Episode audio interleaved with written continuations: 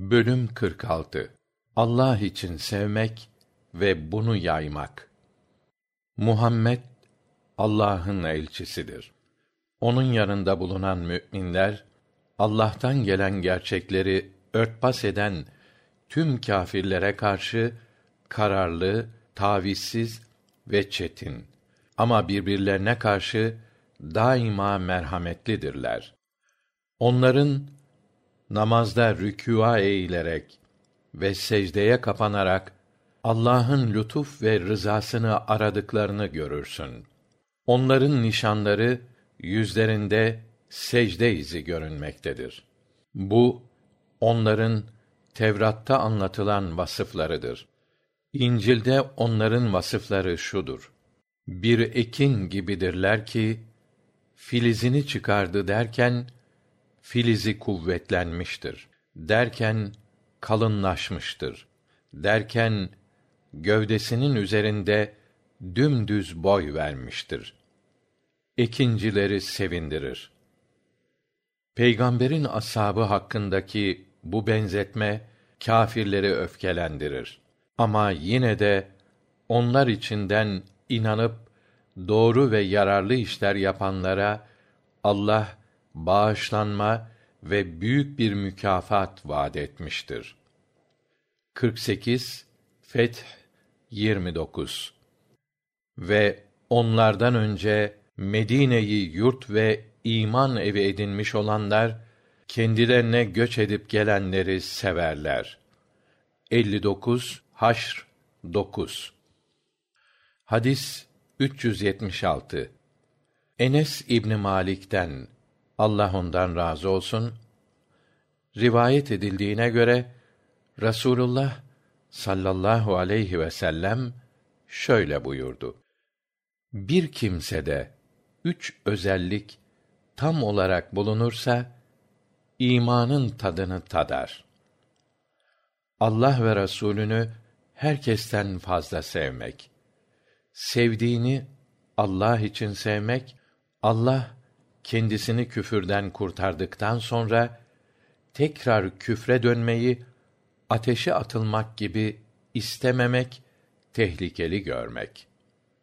Hadis 377 Ebu Hureyre'den Allah ondan razı olsun rivayet edildiğine göre Rasulullah sallallahu aleyhi ve sellem şöyle buyurdu hiçbir gölgenin bulunmadığı kıyamet gününde Allah yedi tür insanı arşının gölgesinde barındıracaktır. Bir, adaletli devlet başkanı. İki, Allah'a ibadet ve itaat ederek yetişen genç. Üç, kalbi mescitlere bağlı kimse. Dört, Allah için sevişip bu uğurda bir araya gelip ayrılan kişiler. 5. Makam ve güzellik sahibi bir kadının zina çağrısını ben Allah'tan korkarım diyerek reddeden kimse. 6. Sağ elinin verdiğini sol eli bilmeyecek kadar gizli sadaka veren kimse. 7. Kendi başına kaldığında Allah'ı anarak gözyaşı akıtan kimse. Hadis 378 Ebu Hureyre'den Allah ondan razı olsun rivayet edildiğine göre Rasulullah sallallahu aleyhi ve sellem şöyle buyurdu. Allah kıyamet gününde benim için birbirlerini sevenler nerededir? Onları gölgemden başka gölgenin bulunmadığı bugün de arşımın gölgesi altında gölgelendireceğim. Hadis 379. Ebu Hureyre'den Allah ondan razı olsun rivayet edildiğine göre Rasulullah sallallahu aleyhi ve sellem şöyle buyurdu. Canım elinde olan Allah'a yemin ederim ki sizler iman etmedikçe cennete giremezsiniz. Birbirinizi sevmedikçe de tam bir şekilde iman etmiş olmazsınız.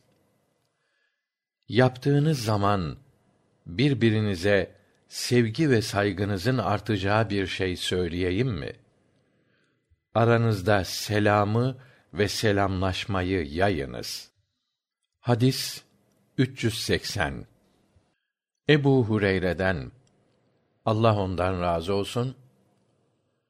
Rasulullah sallallahu aleyhi vsellem'in şöyle buyurduğu nakledilmiştir. Adamın biri başka bir beldedeki bir din kardeşini ziyarete giderken allah bu kimseyi gözetlemek için bir meleği görevlendirmişti. O kimse meleğin yanına varınca melek nereye gidiyorsun? diye sorar. Adam da şu köyde bir din kardeşim var. Onu ziyarete gidiyorum. cevabını verir. Melek o kimseden bir menfaatin var da onu devam ettirmeye mi gidiyorsun? dedi. Adam da yok hayır.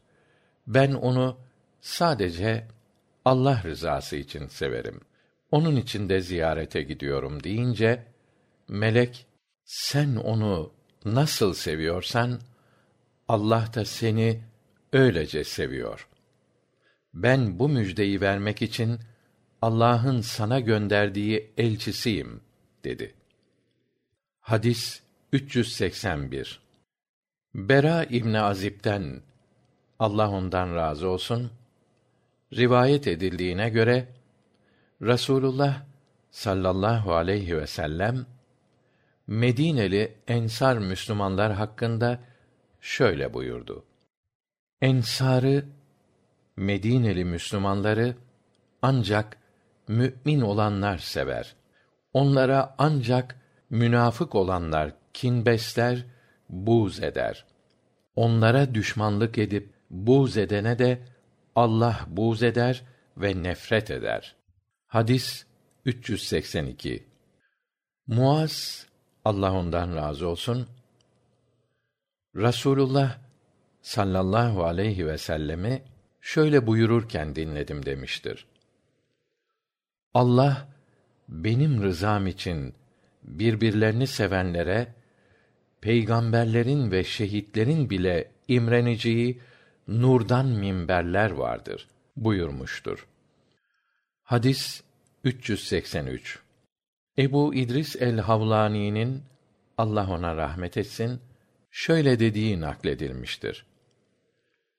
Bir gün dımışk mescidine girmiştim. Güleç yüzlü bir gençle karşılaştım. Insanlar etrafına toplanmışlar. Görüş ayrılığına düştükleri meseleleri ona soruyorlar ve söylediklerini kabul ediyorlardı. Kim olduğunu sordum. Muaz ibni cebel dediler. Ertesi gün erkenden mescide koşmuştum. Baktım ki o genç benden önce gelmiş namaz kılıyor. Namazını bitirinceye kadar bekledim. Sonra önüne geçerek selam verdim. Allah'a yemin ederim ki ben seni allah için seviyorum dedim allah için mi seviyorsun? dedi. Evet allah için dedim. O yine gerçekten allah için mi seviyorsun? dedi. Ben de evet gerçekten allah için seviyorum dedim. Bunun üzerine elbisemden tutarak beni kendisine doğru çekti ve şöyle dedi. Müjdeler sana. Zira ben rasulullah sallallahu aleyhi vsellem'i şöyle buyururken dinledim. Allah buyuruyor ki sadece benim için birbirlerini seven benim rızam için toplanan benim uğrumda birbirini ziyaret eden ve sadece benim rızamı kazanmak için sadaka verip infak edenler benim sevgime hak kazanmışlardır. Hadis ebu kerime miktat ibni madi kerip'ten allah ondan razı olsun rivayet edildiğine göre rasulullah sallallahu aleyhi vsellem şöyle buyurdu bir kimse din kardeşini Allah rızası için severse sevdiğini ona haber verip bildirsin. Hadis 385. Muaz İbni Cebel'den Allah ondan razı olsun rivayet edildiğine göre Rasulullah sallallahu aleyhi ve sellem Muaz'ın elini tutmuş ve şöyle buyurmuştur. Ey Muaz! Allah'a yemin ederim ki ben seni gerçekten seviyorum. Sonra sana şunu gerçekten tavsiye ederim. Her namazın sonunda şöyle demeyi terk etme. اللهم أعني على ذكرك وشكرك وحسن عبادتك Allah'ım seni anmak, sana şükretmek, sana güzelce kulluk etmekte bana yardım et. Hadis 386 Enes İbni Malik Allah ondan razı olsun şöyle demiştir. Bir gün Rasulullah sallallahu aleyhi ve sellemin yanında bir sahabi bulunuyordu. Bir başka sahabi yanlarından geçti. Rasulullah sallallahu aleyhi ve sellemin yanında bulunan sahabi Ya Resulallah vallahi bu adamı seviyorum dedi. Rasulullah sallallahu aleyhi ve sellem sevdiğini ona bildirdin mi diye sorunca hayır dedi. Peygamber sallallahu aleyhi ve sellemin git bildir demesi üzerine o sahabi ona yetişti ve seni Allah rızası için seviyorum dedi. O da beni uğrunda sevdiğin Allah da seni sevsin diye dua etti.''